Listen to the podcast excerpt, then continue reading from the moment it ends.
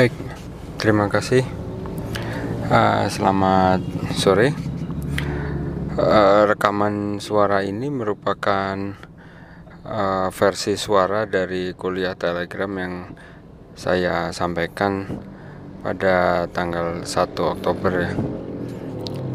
Oke, jadi kita mulai ada 36 pesan kalau tidak salah. Jadi yang pertama adalah uh, bahwa saya melakukan ini di sela-sela waktu mati atau dead time ya. Misal menunggu anak masuk sekolah, nunggu anak pulang sekolah, nunggu nunggu makanan datang, nunggu abang Grab datang. Gitu. Jadi masalah waktu sebenarnya bisa diatur. Kalau saya, Anda, kita mau. Saya yakin semua juga banyak punya waktu mati, hanya tidak sadar saja. Nah, waktu mati ini kalau dikumpulkan bisa jadi proposal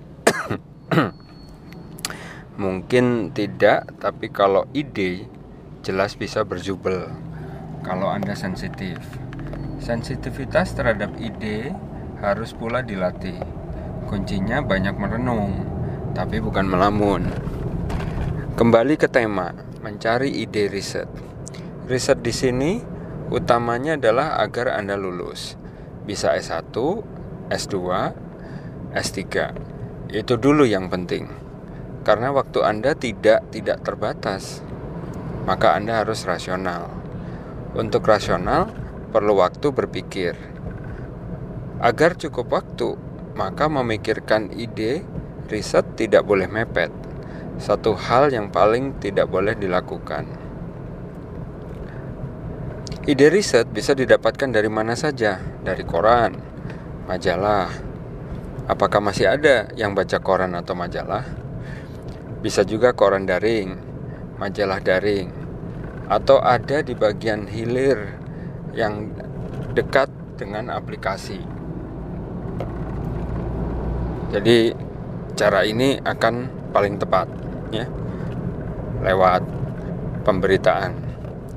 Lain halnya kalau bidang Anda le lebih kepada ilmu teoritis atau ilmu murni yang berkaitan dengan penurunan rumus, rekayasa optik, tabrakan atom, asal mula alam semesta, dan yang seperti itu. Kalau bidang Anda itu, maka mau tidak mau, Anda harus banyak membaca makalah ilmiah sejak awal untuk merumuskan ide. Setelah Anda dapat masalah yang menarik di masyarakat, baru Anda melakukan pencarian literatur atau referensi. Anda mungkin tanya di tengah banyaknya media daring untuk belanja masalah, bagaimana caranya memilih yang bagus? Anda bisa melihat track recordnya. Misal, apakah pernah mendapatkan peringatan dari pemerintah? Media itu ya maksudnya. Bagaimana riwayat penerbitannya? Apakah pernah mati atau pernahkah menerbitkan artikel yang tidak relevan? Para penulisnya apakah jelas atau tidak? Bisa dilacak atau tidak dan seterusnya. Cara lainnya adalah Anda menggunakan mesin pencari, misalnya google.com, bing.com. Bing.com ini patut dicoba. Mesin pencari sudah ada, lantas bagaimana memilih kata kunci? Ada tiga komponen kata kunci setidaknya yang bisa Anda gunakan. Satu komponen lokasi, dua komponen metode, tiga komponen objek masalah. Komponen lokasi penting kalau Anda bekerja di bidang yang terkait dengan geografi atau lokasi spasial. Misal, kalau Anda di prodi geografi, prodi geologi, sipil, dan yang lainnya, ada banyak komponen metode misal metode geofisika metode geokimia metode water balance metode statistik dan lain-lain. Komponen metode ini penting kalau Anda sudah memiliki alternatif pilihan metode yang akan digunakan dalam riset. Jadi jelas ya saat Anda gelap sekali gunakan kunci lokasi Pelajari ada isu apa saja yang terjadi di lokasi itu. Pilih yang sesuai dengan bidang Anda, kesukaan Anda, passion Anda, keterampilan Anda, dan seterusnya. Selanjutnya pilih metode. Bisa satu, bisa dua, bisa tiga metode. Pelajari metode itu apakah bisa digunakan untuk masalah yang akan Anda pecahkan. Dilakukan oleh siapa? Di mana itu dilakukan? Jadi, Anda bisa mengetahui metode itu efektif atau tidak. Yang terakhir adalah komponen objek masalah. Gunakan kata kunci ini kalau Anda sudah tahu ingin memecahkan masalah apa. Misal, banjir, pencemaran air, pencemaran udara, dan lain-lain.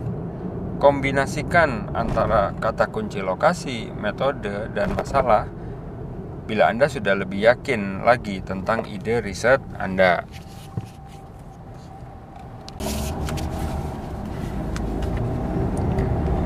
Sampai di sini Anda sifatnya masih brainstorming.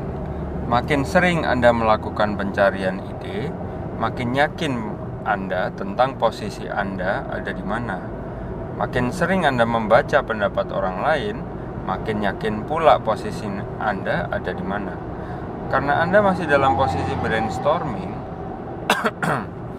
maka pastikan Anda mencatat semua hasilnya tidak perlu semua tautan Anda simpan, cukup yang penting saja. Selalu siapkan kertas dan pensil atau pena di sebelah Anda saat Anda googling. Ini untuk memastikan Anda mencatat semua yang Anda lihat, baca, dan dapatkan. Buatlah semacam peta pikiran. Bentuknya bisa macam-macam terserah Anda. Toh itu punya Anda kan? Saya pernah membuat podcast terpisah tentang hal ini. Untuk menyimpan tautan-tautan yang bermanfaat, Anda bisa menggunakan berbagai piranti lunak daring yang gratis. Misal getpocket.com. Tautannya saya sisipkan di penjelasan. Atau Anda cukup mengklik tombol bookmark di peramban Anda. Pastikan apa yang Anda temukan tidak hilang. Anda mungkin tanya lagi, apakah ada cara lain? Jawabnya selalu ada anda bisa coba openknowledgemaps.org. Ini adalah semacam mesin pencari. Bedanya, ia akan membuat lingkaran-lingkaran berisi makalah atau dokumen yang temanya sama. Makin besar lingkarannya, makin banyak makalah yang terkait dengan tema itu.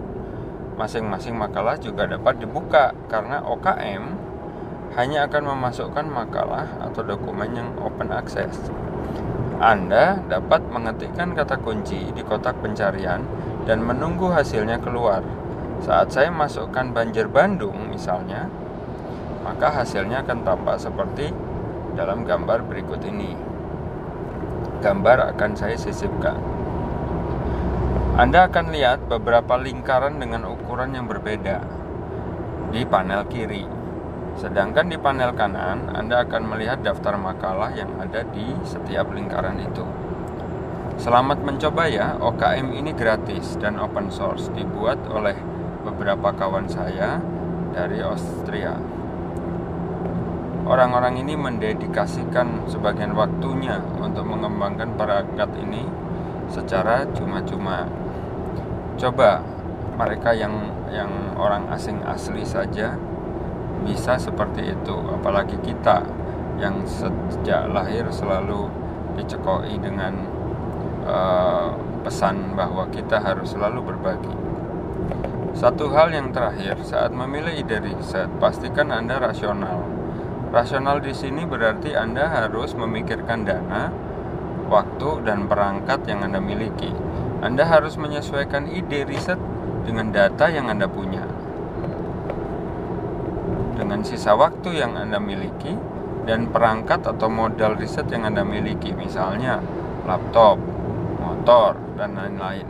Rasional di sini asumsinya semua berasal dari Anda ya. Saya biasa menyebutnya sebagai plan B. Yaitu rencana riset saat tidak ada yang mendukung Anda, misalnya proyek pengabdian masyarakat, hibah riset dan lain-lain. Jadi Anda berjuang untuk menyelesaikan riset dengan kemampuan sendiri. itu adalah plan B. Tapi plan B ini bisa berubah jadi plan A saat Anda tekun, saat ada call for proposal dan Anda sigap menyusun dan mengirimkan proposal riset Anda, tentunya dengan bimbingan dan petunjuk dari pembimbing. Masalah pembimbing akan kita bahas pada kesempatan lain. Plan A yang lain bisa jadi saat Anda diajak oleh pembimbing untuk mengerjakan pengabdian kepada masyarakat yang dapat dikonversi sebagai riset tugas akhir. Kalau Anda dapat ini, ya tidak perlu dibahas panjang, lakukan saja. Yang saya bahas di atas sejak awal adalah kalau seandainya Anda tidak mendapatkan dukungan itu. Demikian kurang lebih yang bisa saya sampaikan.